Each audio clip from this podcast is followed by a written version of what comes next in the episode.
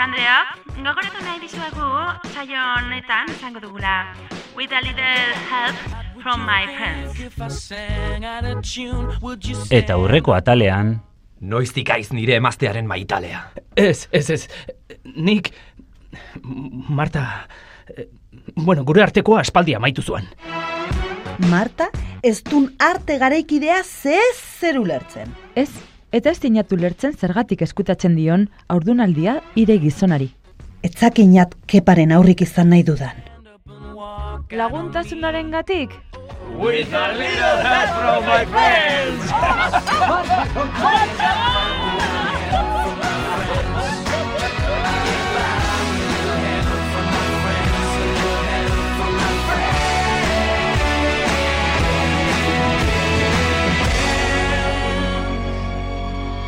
hirugarren atala. Gaur izoztuen zailean lekaberde poltsa bi berrogeita amabost euroan. Eta gogoratu seinalatutako produktuetan bi erosiz gero hirugarren alea doan. Non ostiaz egongo duk txakuraren janari kaka hori. Enekin gainero horrenbeste marka zegoenik. Vitamina, zuntza proteinak, koloratzai eta azukrerik gabea, ostiaz. Eta zelako prezioak. Tira, hau hartuko diat, merkeena. I, ibiliari kontuz, ostiaz! I, non ditu begiak neska! Barkatu ez zaitu... Ai. Mikel! Ester, barkatu, ez zaitut ezagutu. Hasta potroz eta inutilez beteta dago supermerkatua. Bai, lasai. Konturatu naiz, bai. Eta? Zertan zabiltza? Erosketak egiten. Ah, bai, bai, bai, jakina, i, bai baboa. Eta zu? Non utzi duzu, Marta? Baila bainegian, eta nik bitartean unairentzat pentsu bila. Ba, uste dut ez duela hori hartzen, Ez? ez? Han dagoen poltsa beltzura eraman ohi du Martak. Baina irukoitza balio du horrek. Zen mutur finatxa kurtsoputa gapetatxua benetan. Gaur gure aratilan oiasko bularkiak zei berrogeita amabost euroan kiloa. Ara, zein ongi? Ze, bularrak merke egotea? Eh? Ba, ez, horrela, ustekabean elkarrekin topo egitea. Idiota, idiota, idiota. Ah, zorionak. Zeba, Ba, aurrarengatik. azkar zabaltzen dira berriak. Beno, Martak esan zidan. Bai, jakina. Eta zer dio itatxok? Ez dut oraindik eparekin hitz egiteko aukerarik izan. Ba, ez dakit. Mozkortzera joan zen kontatu nionean. Ez dakit ospatzeko edo penak usatzeko. Emakumea. Lanera joan beharra daukat. Eta zer esan dizutean?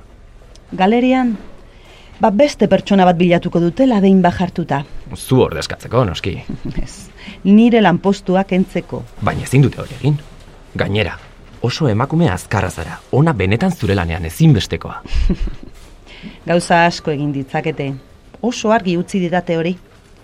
Eta negoziatzen ari naiz. Ze putada. Joder, Mikel, hankasartze galanta, eh?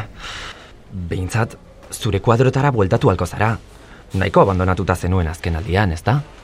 Aur batekin etxean, jai daukat, ez duzuzte? Ah, bai, egia, barkatu. Bueno, eta zuk, ez duz ezer aurkitu. Ke ba, eskerrak Marta funtzionarioa den, bestela, Bere bizkar bizita, erki. e, enuen hori esan nahi. Ja, badakit. Esan aldizute inoiz, aurdun zaudeten emakumeak oso guapak zaudetela. Zer? Zer esan nahi duzu? Ba hori, baduzula zerbait berezia. Nik beti tripa ikusten dudanean, badakitzuk oraindik ez duzula.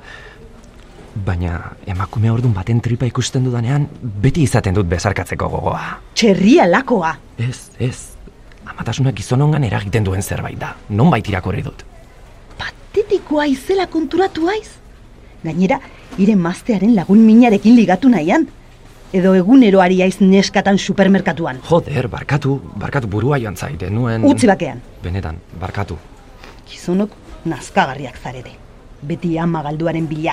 Baina, baina hitz goxoak ziren. Oa pikutara. Aio. Aio bai, kakazarra. Ah, eta duela hiru egun galdu nuela umea. Iaiz jakiten lehenengoa. Ejon deiala, Mikel, baina ez da okurritu ere inori kontatzea. Joder, Mikel, hau enkontro absurdoa. Gaur morta dela eskaintza berezia. Jaun Andreok, with a little help from my friends. Gidoi originala Xavier López Askasibar. Ahotsak, Mikelena Galder Ruiz. Kepa Jose Cruz Gurruchaga. Marta Monse López. Esther Beatriz Martínez de Antoñana. Eta ni Marta López naiz. Zuzendaria, Carmen San Esteban. Zuzendari laguntzailea, Enrique Loyola. Soinua, Olaia Sánchez. Produkzioa, Vitoria Gasteizko nazioarteko antzerki jaialdia eta Radio Vitoria EITB.